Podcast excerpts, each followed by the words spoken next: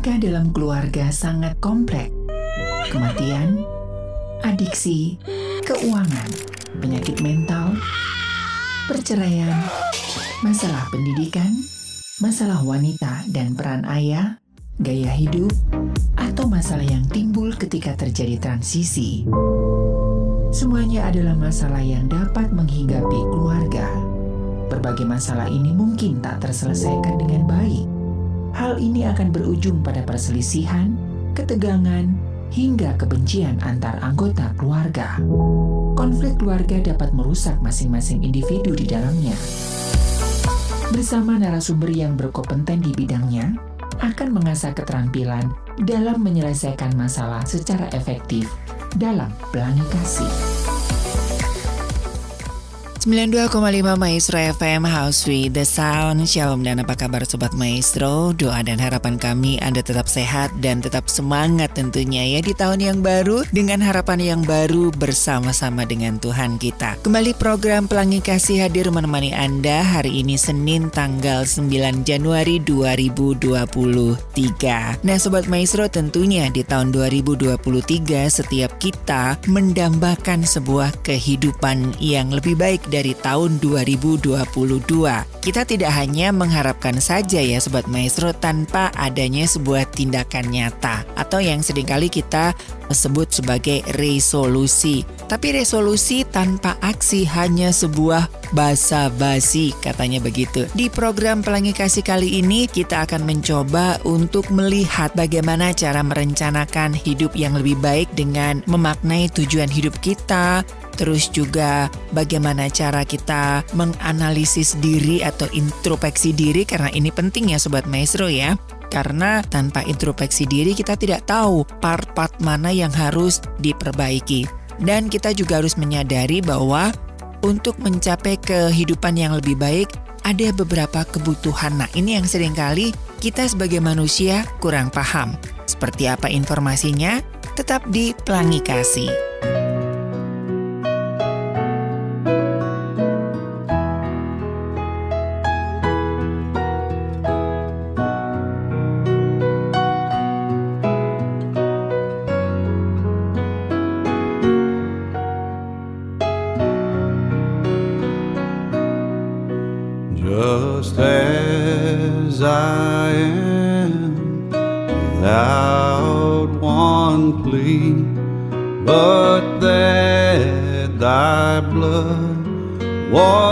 did for me, and that thou bidst me come.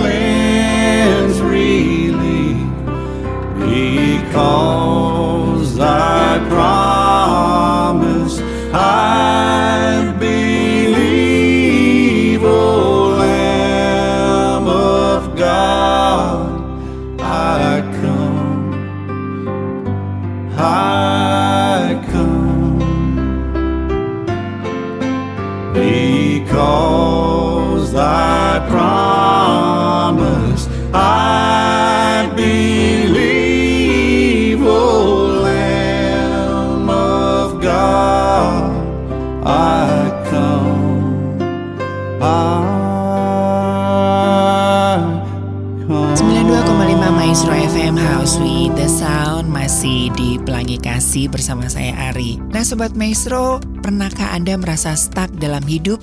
Atau bingung kehidupan ini mau dibawa ke mana agar berjalan lancar sesuai dengan yang kita inginkan? Tenang Sobat Maestro, kita bisa merancang hidup yang lebih bermakna dengan menerapkan pola pikir design thinking. Kira-kira apa ya design thinking itu? Nah Sobat Maestro, design thinking adalah kerangka berpikir yang digunakan untuk memecahkan masalah berdasarkan kebutuhan. Design thinking dapat diterapkan pada perencanaan profesional seperti pengembangan produk atau hal personal seperti perencanaan kehidupan dan karir. Menurut Bill Burnett dan Dave Evine dalam bukunya Designing Your Life, How to Build a Well-Lived Joyful Life, design thinking tidak hanya digunakan untuk membuat produk, namun juga bisa digunakan untuk menciptakan hidup yang lebih bermakna, menyenangkan, dan memuaskan. Dan lo masih bingung hidup lo mau dibawa ke mana. Tapi emang ini bisa jadi masalah, karena nggak punya tujuan hidup, bisa jadi lo jadi nyobain semuanya dan masalahnya itu tanpa arah yang jelas. Nggak tahu gitu apa yang dicari. Atau justru sebaliknya mungkin yang lo lakukan. Lo nggak ngejar, lo terus aja gitu ada di zona nyaman lo. Lo ngelakuin hal-hal yang itu lagi setiap harinya.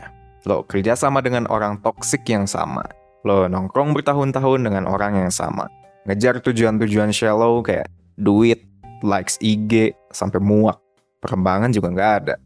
Dan jadinya karena itu semua hampa aja terus hidup lo itu. Bertahun-tahun mungkin. Oke, okay, let's get started. Ada beberapa konsep di psikologi yang cukup mirip sama tujuan hidup.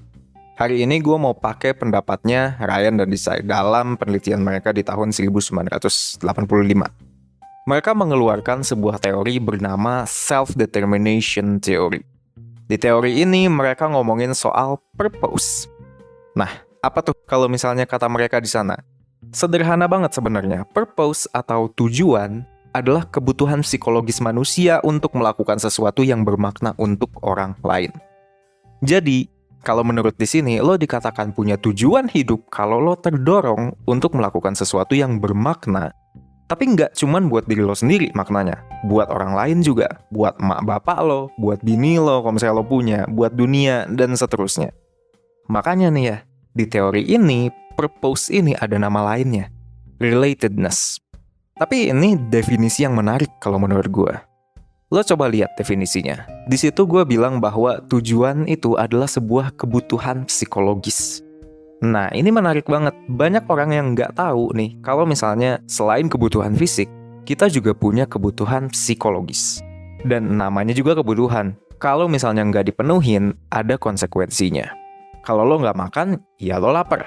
Kalau ini, kalau misalnya lo nggak punya tujuan hidup, lo ngerasa hidup lo ada yang kurang. Walaupun kebutuhan fisik lo semuanya terpenuhi. Ada ketidakpuasan di sana. Ada kehampaan di sana. Kalau bahasa psikologinya, subjective well-being lo kurang baik. Overall, lo nggak bahagia aja gitu. Bahkan kalaupun secara kasat mata hidup lo baik-baik aja. Spesifiknya, soal mencari tujuan hidup. Dan for me, mencari tujuan hidup itu emang susah, tapi straightforward. Ya lo eksplorasi banyak hal, udahnya lo kembangin satu skill yang lo paling minatin sampai lo punya skill yang gak bisa diremehin di situ. Dan dari situ lo akan dapetin tuh kesempatan-kesempatan dari kemampuan lo, yang kalau misalnya lo manfaatin, akan sangat berguna buat orang-orang yang lo sayang, yang lo peduli. Tapi again, lo balik lagi ke sini, lo nanya lagi, ke sini lagi. Dan gue jadi mikir, terus apa masalahnya? Gue menemukan bahwa ya basically, kenapa kayak gitu? Karena orang-orang bergelut sama dua hal. Yang pertama, tidak yakinan. Dan yang kedua adalah emang somehow nggak mulai-mulai aja perjalanannya. Gue nggak mau bilang orang males. Karena well, males itu biasanya byproduct dari sesuatu yang ada di hidup dan otak lo. Tapi ya manifestasinya jadinya kemalasan. Dan masalahnya, kalau misalnya lo bergelut terus gini ya di sini, lo nggak mulai-mulai nih. Dan tadi gue udah bilang juga, tujuan hidup itu juga kebutuhan. Kebutuhan hidup itu. Makin lama lo nggak mulai, makin lama lo kelaparan. Makin dalam kehampaan lo, makin surut motivasi hidup lo. Terus ya, gimana? Jadi dari curhatan ini dan sebelum gue lanjut, sebelum gue menjelaskan lebih dalam, gue mau mempertegas dua hal sama lo. Satu, tujuan hidup itu nggak akan datang tanpa usaha. Dan kedua, lo nggak bisa usaha kalau lo nggak mulai. Pokoknya gue mau lo mulai. Dan hari ini, gue mau ngebahas hal-hal yang bisa lo abaikan aja supaya lo bener-bener mulai. Oke? Yang pertama, apa yang lo bisa abaikan? Bakat. Gini, kalau lo sendiri emang tahu bakat lo apa, gue cukup yakin lo nggak akan ada di posisi sekarang. Dan yang cukup sering gue hadapi, mungkin menti gue, mungkin teman gue, itu adalah perkataan kayak gini. Gue bingung tujuan hidup gue ini apa, karena gue nggak tahu bakat gue apa. Which is nggak gitu sebenarnya mekanismenya. Gini gini. Ketika kita ngomongin soal tujuan hidup di konteks teori self determination yang kita lagi ngomongin ini, tujuan hidup sama mastery itu nggak bisa dipisahin emang. Dua-duanya berhubungan dan saling berkontribusi satu sama lain. Tapi yang harus lo tahu, lo itu sebenarnya bisa punya mastery di mana pun. Nggak tergantung sama bakat lo halangan lo itu dalam mastery itu cuma dua hal. Yang pertama, physical constraint. Kayak misalnya, lo mau jadi pemain basket tapi lo pendek. Ya susah. Yang kedua, waktu. Kalau lo disuruh menguasai satu hal dalam batasan waktu tertentu, itu juga bisa jadi halangan. Karena nggak semua orang bisa belajar secepat itu. Dan yang ketiga ini tambahan sebenarnya, kalau dulu ada yang lain, sumber pembelajaran. Tapi ini makin nggak relevan. Kenapa? Teknologi. Terus ya udah, bakat itu bukan penentu lo bisa jago atau enggak di situ. Penentunya apa? Usaha. Dan oleh karena itu ketika lo ngomongin soal tujuan hidup, ya jangan mikirin soal bakat. Seriusan, lo itu bisa aja jago di mana pun, asal lo usaha, take your time. Nah, bahkan ya, halangan yang waktu, itu kalau misalnya lo emang niat, lo bisa akalin. Kalau misalnya lo emang gak bisa belajar cepat, lo butuh lama gitu ya untuk belajar satu hal, ya belajar aja lebih lama. Kalau dalam satu hari lo belajar dua jam belum ngerti, ya belajar aja 4 jam. Again, straightforward tapi susah. Oke, itu pertama. Yang kedua, passion. Kalau misalnya lo baru mau mengejar mastery nanti, nanti ya, pada saat lo ngerasa udah seneng sama kegiatan itu, you're going to have a bad time. Balik lagi ke teori self-determination. Jadi, di SDT, kependekan dari self-determination theory, itu ada tiga kebutuhan psikologis manusia. Purpose, mastery, dan autonomy. Purpose sama mastery itu kita udah bahas lah sekilas. Kalau autonomy itu, autonomy itu adalah perasaan merasa memiliki kontrol atas output hal yang dikerjain. Dan kalau ketiga hal ini terpenuhin, misalnya, tiga hal ini terpenuhi di kerjaan lo, dan lo kerja sebagai sales gitu lo merasa lo jago di situ, lo ngerasa lo bisa berkembang, lo ngerasa lo punya purpose yang kuat di situ, dan lo merasa lo punya kontrol di situ, lo akan dapetin motivasi intrinsik. Apa itu? Motivasi intrinsik itu adalah rasa termotivasi buat melakukan sesuatu yang emang datang karena lo seneng sama ngelakuin itu. Dan itu tuh kedengarannya kayak apa coba? Kayak passion kan?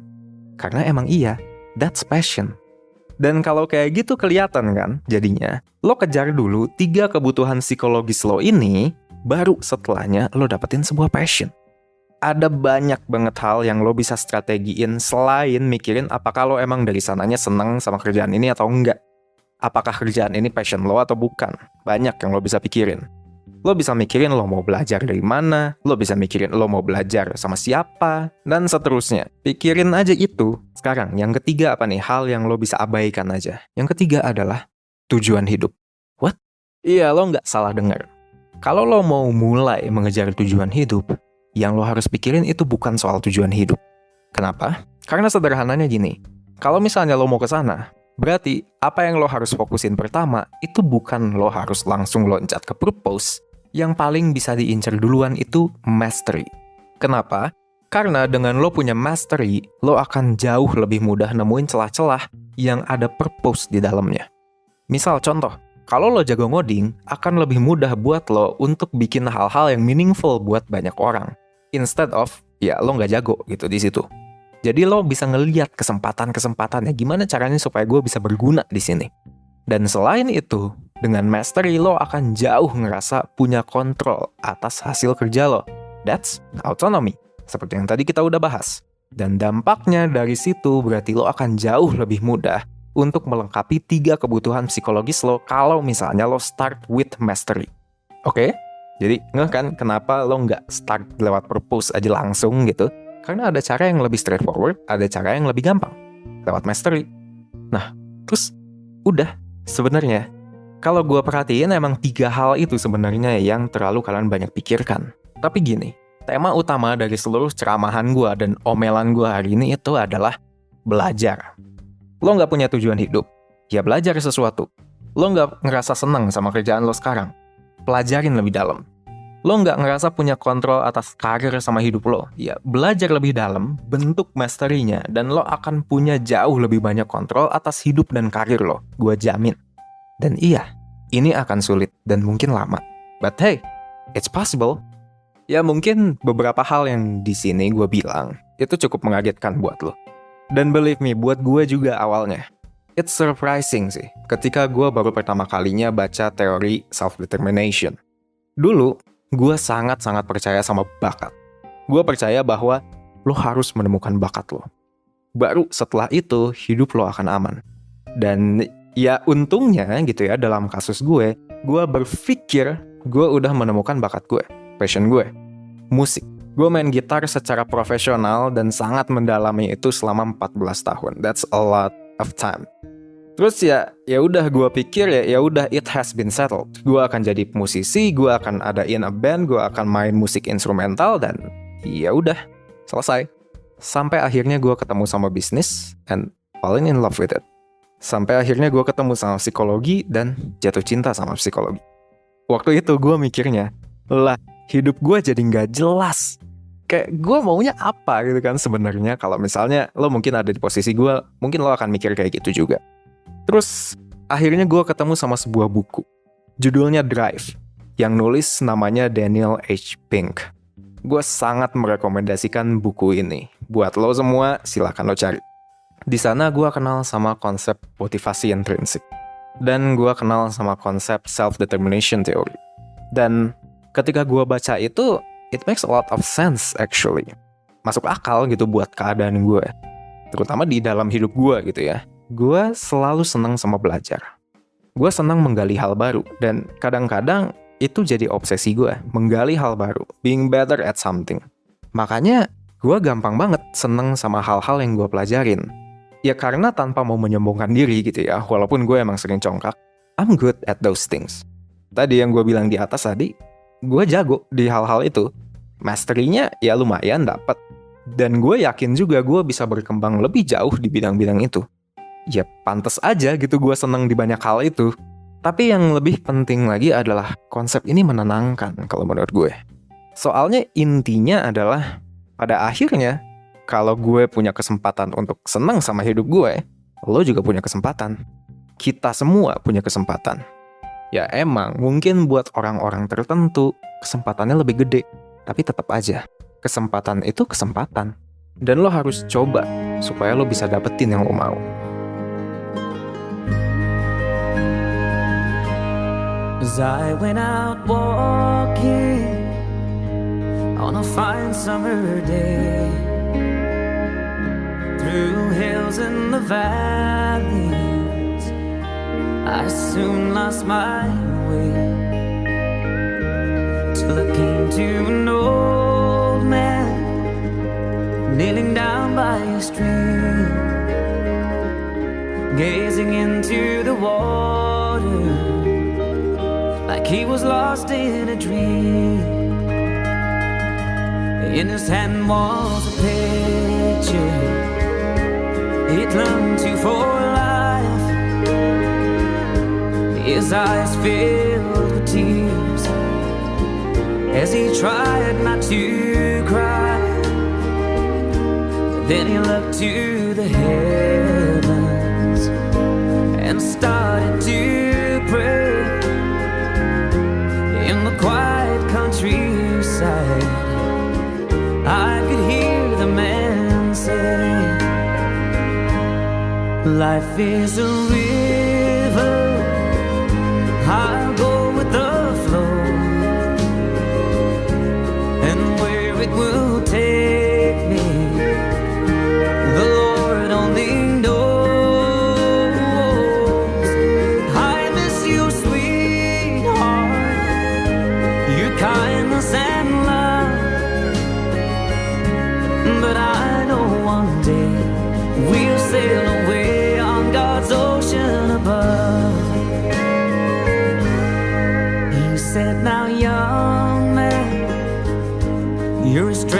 to me. Could I bother you kindly for your company? Today I am thinking of a time long ago, and I need to tell someone of a girl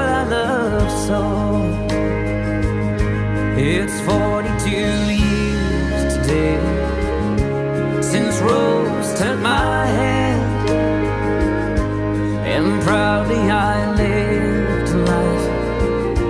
Her husband, her man, till only last week, son, God took her away as I kissed her softly. These words she did say Life is a river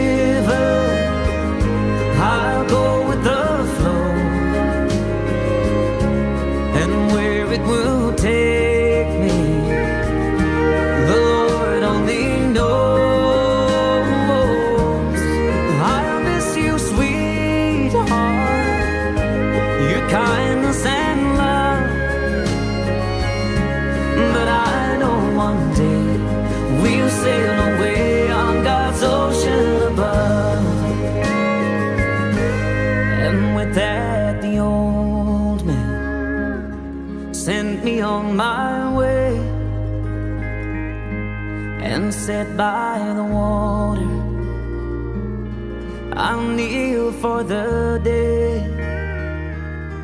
I look at the river starting out on its life. It's where I feel close to my beautiful. Sobat Maestro untuk bisa meraih kehidupan yang lebih baik tentu sangat didukung dengan mindset atau cara pandang yang baik. Namun kadangkala memiliki mindset yang baik justru tak semudah yang diharapkan. Ada saja pikiran-pikiran tidak berguna yang justru bisa mendominasi dalam pikiran sehingga sulit untuk mewujudkan kehidupan yang lebih baik. Padahal sejatinya hidup itu butuh perjuangan dan kerja keras termasuk berusaha untuk memiliki mindset yang baik. Mungkin bagi sebagian orang masih menganggapnya sepele, tetapi mindset yang baik jelas sangat mempengaruhi proses perkembangan seseorang. Maka dari itu, penting bagi setiap orang agar memiliki mindset yang baik. Oke, jadi gue akan memulai dengan beberapa pertanyaan. Dan lo bisa nyoba untuk menjawab pertanyaan-pertanyaan ini. Pertama, apa sih tujuan hidup lo? Kenapa sih lo memilih jurusan atau pekerjaan yang sekarang? 10 tahun lagi, lo membayangkan diri lo ada di mana sih? Dan apakah pilihan hidup yang lo jalanin sekarang udah sesuai belum sih sama tujuan jangka panjang yang lo punya? Nah, kalau misalnya lo nggak tahu atau bingung gimana caranya ngejawab pertanyaan-pertanyaan barusan, ada kemungkinan bahwa lo bisa jadi menjalani hidup sampai sekarang dengan mode autopilot. Dengan kata lain, ya udah gitu, lo ngalir aja, tanpa tahu sebenarnya arahnya itu mau ke mana. Hidup mengalir seperti air sebenarnya sama sekali gak salah ya. Selama kita memutuskan untuk hidup seperti itu. Kita memutuskan secara sadar untuk hidup mengalir ya nggak salah sama sekali gitu. Kalau itu emang keinginan kita ya nggak apa-apa juga, sah-sah aja gitu. Tapi kalau ternyata lo gak tahu tujuan dan pilihan hidup lo itu apa, atau kalau lo ternyata tahu tujuan lo itu apa, tapi hal yang lo lakuin sekarang itu nggak nyambung sama tujuannya, nah inilah yang bermasalah. Kenapa? Karena gini, bisa jadi usaha yang lo lakuin sekarang kerja keras yang lo lakuin sekarang jadinya malah nggak membawa lo ke mana-mana gitu. Jadinya malah random aja gitu kan. Kalau misalnya hal yang lo lakuin itu nggak nyambung sama tujuan lo. Sebetulnya hal ini bisa terjadi karena beberapa sebab. Tapi dari pengalaman gue nih, nge-mentoring klien dan ngelakuin riset, biasanya hal ini terjadi karena kita nggak mengenali diri kita sepenuhnya. Nah makanya akhirnya dampaknya adalah pertama kita nggak tahu tujuan kita tuh mau ngapain. Yang kedua kita tuh nggak kebayang 5 sampai 10 tahun ke depan kita tuh bakal ada di mana. Dan yang ketiga kita juga nggak tahu sekarang tuh kita lagi ngapain sih dan untuk apa. Nah minimnya pengetahuan tentang diri dan tujuan ini sebenarnya adalah masalah yang cukup umum. Lo bisa coba aja sih tanya ke orang-orang di sekitar lo. Mungkin banyak juga yang ngalamin hal kayak gini. Mereka nggak tahu kenapa mereka milih jurusan atau pekerjaan yang mereka pilih sekarang. Mereka nggak tahu tujuan jangka panjang mereka apa. Mereka nggak tahu 5-10 tahun ke depan mereka tuh mau jadi apa gitu. Tapi sebenarnya kalau lo ngerasa kayak gitu, ya nggak apa-apa gitu. Kenapa? Karena masalah ini sebenarnya bisa diperbaiki. Caranya gimana? Caranya adalah dengan rutin melakukan refleksi diri. Biar apa? Biar kita bisa mengevaluasi kehidupan kita secara terus-menerus. Jadinya kita lebih kenal sama diri kita, kita tahu kekurangan kita apa, kelebihan kita apa, dan kita bisa tahu apa yang kita suka dan apa yang kita mau. Hidup kita jadinya ada arahnya. Oke, ngomong-ngomong tentang refleksi diri, refleksi diri sebenarnya ada kaitannya dengan proses pembelajaran yang ada di otak manusia. Nah, yang membedakan manusia dengan banyak spesies lain adalah manusia bisa berpikir tentang hal yang ada di dalam pikiran mereka. Jadi uniknya, manusia itu bisa berpikir tentang apa yang mereka pikirkan manusia itu bisa berpikir tentang berpikir. Dan inilah yang membuat manusia lebih hebat kalau menurut gue ya dari semua spesies lain dalam melakukan refleksi diri. Kayak coba deh sekarang lo cari tahu apa sih yang ada di pikiran lo? Apakah lo sekarang mungkin ngerasa lapar? Apakah mungkin lo sekarang ngerasa bosen dengerin gue ngomong gitu? Atau apakah lo lagi mikirin seseorang? Nah, cara lo menganalisis tadi dengan pertanyaan-pertanyaan barusan itu adalah contoh dari berpikir tentang berpikir yang bisa dilakukan oleh manusia. Jadi spesies kita tuh sebenarnya punya kecanggihannya sendiri, yaitu kita bisa mikir tentang apa yang kita lagi pikirin. Inilah namanya refleksi diri. Yaitu ketika kita nyoba mikir, sebenarnya apa sih yang kita lakuin? Nah, ini adalah kemampuan berpikir tentang berpikir. Dan ini sering kali disebut sebagai metakognisi kalau di dunia psikologi. Metakognisi itu penting banget dalam proses refleksi diri orang yang jago berpikir tentang pikiran mereka itu bakalan punya kesadaran diri yang oke okay banget. Dan jadinya mereka bakal lebih jago gitu kan. Berdasarkan riset, orang yang jago dalam metakognisi itu bakalan punya performa akademis dan performa kerja yang lebih oke okay daripada orang yang gak hebat dalam metakognisi. Orang yang jago metakognisi juga bakalan jago refleksi diri. Ya tentunya gitu. Akhirnya, karena mereka jago refleksi diri, mereka jadi lebih oke okay juga dalam belajar dan mengevaluasi berbagai kesalahan. Jadinya orang-orang dengan metakognisi tinggi itu cenderung lebih sukses dibandingkan orang dengan kemampuan metakognisi yang rendah gitu. Mungkin sekarang ada beberapa dari lo bertanya dan masih bingung kayak ciri-ciri dari orang yang oke metakognisinya itu kayak gimana sih? Emang berpikir tentang berpikir tuh kayak gimana gitu? Gue masih bingung, Van. Nah, ciri-ciri dari orang yang punya kemampuan metakognisi yang oke banget, ciri-cirinya adalah gini. Setiap mereka melakukan sesuatu, setiap mereka mikirin sesuatu, mereka akan mudah mengenali, mengevaluasi, dan memonitor apa yang terjadi di pikiran mereka. Jadi ketika mereka melakukan sesuatu, orang dengan metakognisi yang oke okay, gitu ya, kan secara otomatis nanya ke dirinya sendiri dan memonitor pikiran mereka. Contohnya pertanyaannya adalah kayak gini, hari ini gue ngapain aja ya? Nah, kenapa sih di ujian tadi gue gak bisa lancar ngerjain soal? Atau nanya ke diri sendiri, kenapa ya gue ngelakuin tindakan itu barusan? Apa sih yang melandasi keputusan gue? Nah, orang dengan metakognisi yang oke bisa memunculkan pertanyaan itu dan ngejawab pertanyaan itu dengan baik. Dampak positifnya adalah mereka jadi bisa tahu dan ngejelasin proses mental di kepala mereka yang kompleks dengan lebih jelas. Jadinya mereka melakukan sesuatu itu pakai mikir gitu, pakai evaluasi. Dan karena mereka bisa ngelihat isi kepala mereka dengan jelas, jadinya orang dengan metakognisi juga bakalan lebih bagus dalam mengelola emosi. Jadi ketika mengalami hal yang buruk, misal tiba-tiba kita nggak lolos wawancara kerja. Nah, kalau metakognisi kita oke, okay, kita tuh bakalan mikir, kenapa sih kita nggak lolos gitu.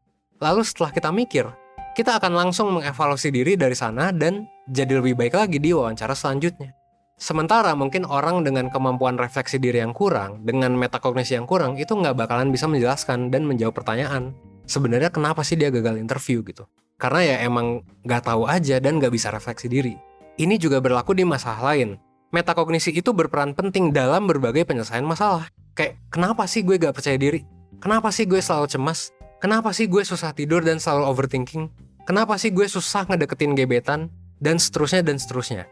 Nah sebaliknya, orang dengan kemampuan metakognisi yang kurang itu bakalan sulit untuk menjawab pertanyaan dari berbagai masalah yang gue sebutin barusan. Refleksi diri dari metakognisi itu sepenting itu karena ada banyak banget manfaatnya gitu. Bahkan untuk performa kerja sekalipun. Jadi ada riset yang menunjukkan bahwa karyawan yang menghabiskan waktu selama 15 menit di akhir waktu kerjanya untuk refleksi diri tentang pengalaman yang dipelajari itu memiliki performa kerja 23% lebih baik gitu dibandingkan orang yang nggak ngelakuinnya. Nah mungkin lo bertanya gitu, terus gimana kalau misalnya kemampuan metakognisi dan refleksi diri gue itu rendah? Kabar baiknya adalah metakognisi ini bisa banget dilatih, bisa banget dikembangkan, dan bisa banget dipelajari. Sekarang gue bakalan ngejelasin nih cara-cara supaya kemampuan metakognisi lo itu bisa berubah. Nah sekarang kita lanjut lagi ke topik gimana nih cara buat mengembangkan kemampuan refleksi diri. Pertama, lo bisa coba sediakan waktu khusus untuk melakukan refleksi diri. Gak perlu lama-lama, batasi aja jadi 5-10 menit, biar gak berlarut-larut juga refleksinya gitu. Coba lo tanyain ini ke diri lo sendiri setiap lo melakukan aktivitas. Sebenarnya tadi gue ngelakuin apa sih? Nah, dari sana, dari pertanyaan itu lo lanjutin. Kenapa sih lo ngelakuin itu? Apa sih yang lo lakuin tadi? Terus lo evaluasi nih, apa sih hal bagus dan jelek yang lo lakuin tadi? Dan seterusnya, lo bisa nanya banyak hal. Yang pertama kan tadi sediakan waktu khusus untuk refleksi. Nah, yang kedua adalah sediakan waktu khusus untuk membuat pertanyaan-pertanyaan penting tentang hal yang ingin lo evaluasi. Pertanyaan penting ini bisa tentang hidup secara general atau hal-hal khusus gitu yang menyangkut aspek kehidupan, kayak misalnya karir, hubungan, mengenali diri, dan lain sebagainya. Kalau lo ngerasa bingung pertanyaan apa yang harus diajuin ke diri sendiri buat refleksi, gue mau nunjukin salah satu worksheet yang biasanya gue kasih nih ke klien gue untuk ngelatih refleksi diri. Namanya adalah Self Knowledge Worksheet. Di Self Knowledge Worksheet ini, lo bakalan ngeliat bahwa ada banyak banget ya pertanyaan-pertanyaan yang akan ngebantu lo untuk mengenai diri sendiri. Mulai dari hal yang memotivasi lo itu apa, kekuatan lo apa, kelemahan lo apa, sampai ke hal-hal yang penting buat lo tuh apa sih gitu. Nah di sana lo bisa ngejawab itu kalau lo ngerjain worksheetnya. Biasanya pertanyaan-pertanyaan kayak gini itu penting gitu buat lo tanyain di awal. Apalagi kalau misalnya selama ini lo gak pernah bertanya tentang hal-hal kayak gini ke diri lo. Yang bisa lo lakuin adalah lo tanyain berbagai hal ini ke diri lo dan lo coba catet. Jadi lo tanya berbagai hal aja gitu, nggak apa-apa random juga pertanyaannya. Yang penting lo bisa mengenali diri lo sendiri dengan lebih dalam. Kenapa? Biar sedikit demi sedikit lo bisa mengenal diri lo sendiri dan menemukan tujuan besar yang pengen lo capai. Gitu ya. Yang ketiga, tipsnya adalah biasakan untuk melakukan refleksi diri terus-terusan. Ingat bahwa refleksi diri ini bukan kayak sekali doang lo ngerjain, misalnya lo ngerjain worksheet terus udah beres gitu. Enggak, enggak kayak gitu gitu. Tapi justru ini adalah hal yang mau lo lakukan sampai tua nanti. Kenapa? Ya karena biar semua hal yang lo lakuin itu masih on track gitu sama tujuan lo. Biar lo terus mengevaluasi, terus merefleksi diri. Ini juga bisa berguna buat nentuin berbagai pilihan hidup yang akan lo jalani. Mulai dari tujuan hidup, nentuin mau milih pasangan hidup yang mana, atau sesimpel nentuin mau makan di mana gitu dan sama siapa.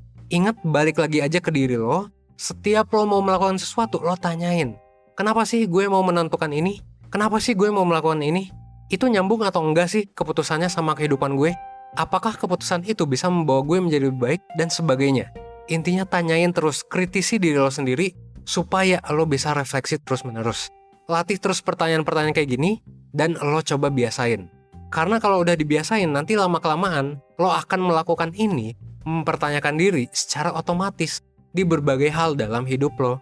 Nah, ketika lo udah otomatis ngelakuin ini, enaknya adalah nanti lo bakalan jadi pribadi yang lebih oke setiap harinya. Kenapa? Karena setiap hari lo selalu melakukan refleksi diri dan mengevaluasi hal yang lo lakuin terus-menerus. Jadinya, setiap ada kegagalan lo bisa mengevaluasi dan setiap ada keberhasilan lo bisa nerusin tuh apa hal yang membuat lo berhasil gitu ya. Kesimpulannya, refleksi diri itu penting banget buat hal yang kita jalanin dan ini bakalan ngebantu kita banget buat mencapai tujuan. Jadi yang bisa lo lakuin sekarang adalah lo bisa mulai coba refleksi dan biasain refleksi diri di kehidupan sehari-hari.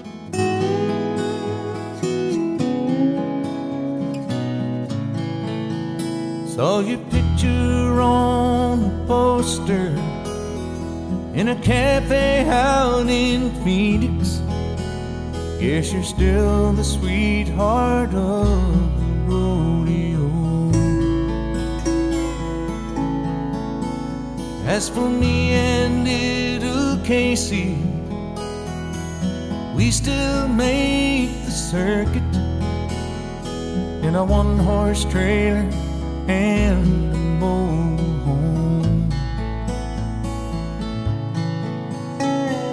she still asks about you all the time. And I guess we never even cross your mind.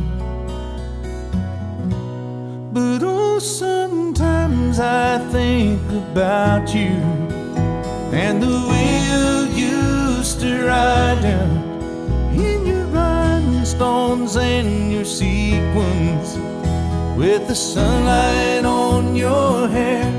And oh, the crowd will always love you. As for me, I've come to know everything that glitters is not gold.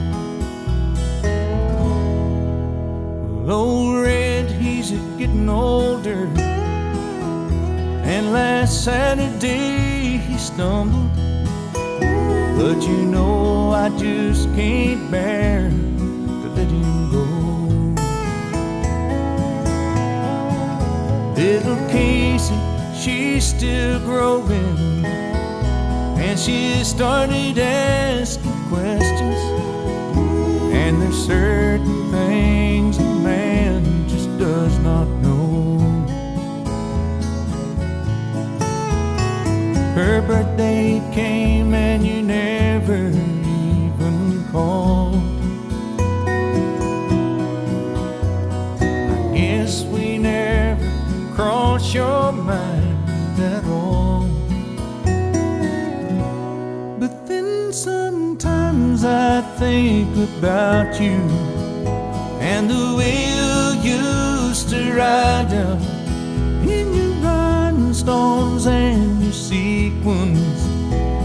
the sunlight on your hair.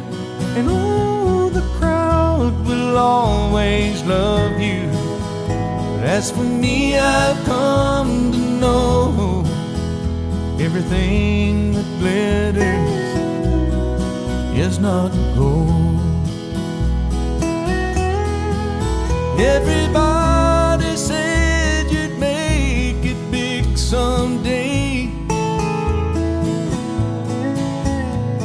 And I guess that we were only in your way.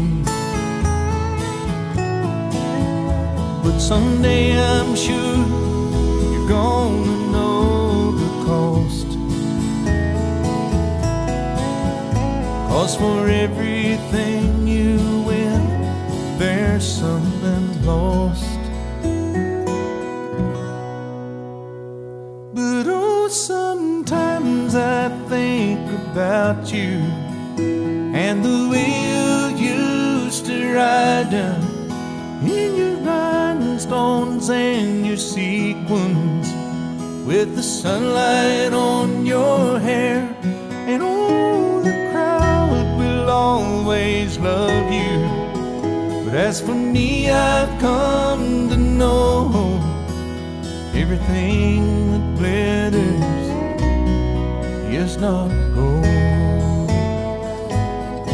Mm, everything that glitters is not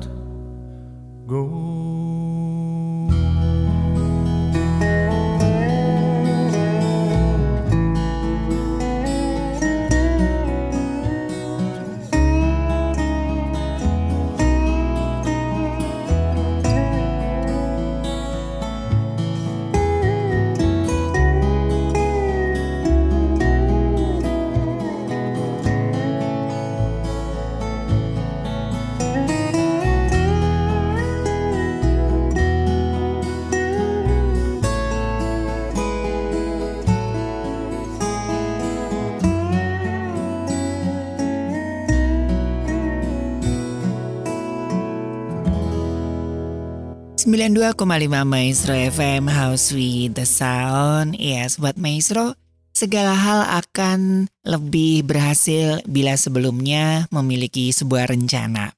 Bukan hanya untuk para prajurit, strategi juga diperlukan dalam kehidupan. Memiliki rencana akan membuat kehidupan lebih teratur dan terarah karena adanya tujuan. Namun tidak bisa dipungkiri bahwa sampai sekarang banyak orang yang kurang peduli dengan kehidupannya sendiri. Semboyan hidup mengalir seperti air, dilaksanakan sepenuh hati sampai tidak menyadari ke mana air itu mengalir. Ke sungai yang tenang, air terjun, atau pembuangan limbah pabrik. Sobat Maestro, jadilah manusia yang bertanggung jawab pada diri sendiri dan orang yang Anda sayangi. Mulailah memiliki rencana hidup untuk yang tidak tahu harus mulai dari mana. Nah, seperti tadi sudah kami hadirkan ya beberapa informasi bagaimana cara memulai hidup lebih baik ya dengan membuat life plan, dengan memahami lima kebutuhan dan juga tips merencanakan kehidupan dengan memaknai tujuan hidup kita dan bagaimana kita mengevaluasi dan mengintrospeksi diri. Semoga informasi yang kami hadirkan dalam Pelangi Kasih kali ini bisa memicu kita untuk memiliki kehidupan lebih baik di tahun 2023. Dari Gerah Maestro Jalan Kaca Piring 12 Bandung, saya Ari mengundurkan diri dari program Pelangi Kasih, Stand Strong, Amazing Grace. Tetap jaga protokol kesehatan dan Tuhan memberkati.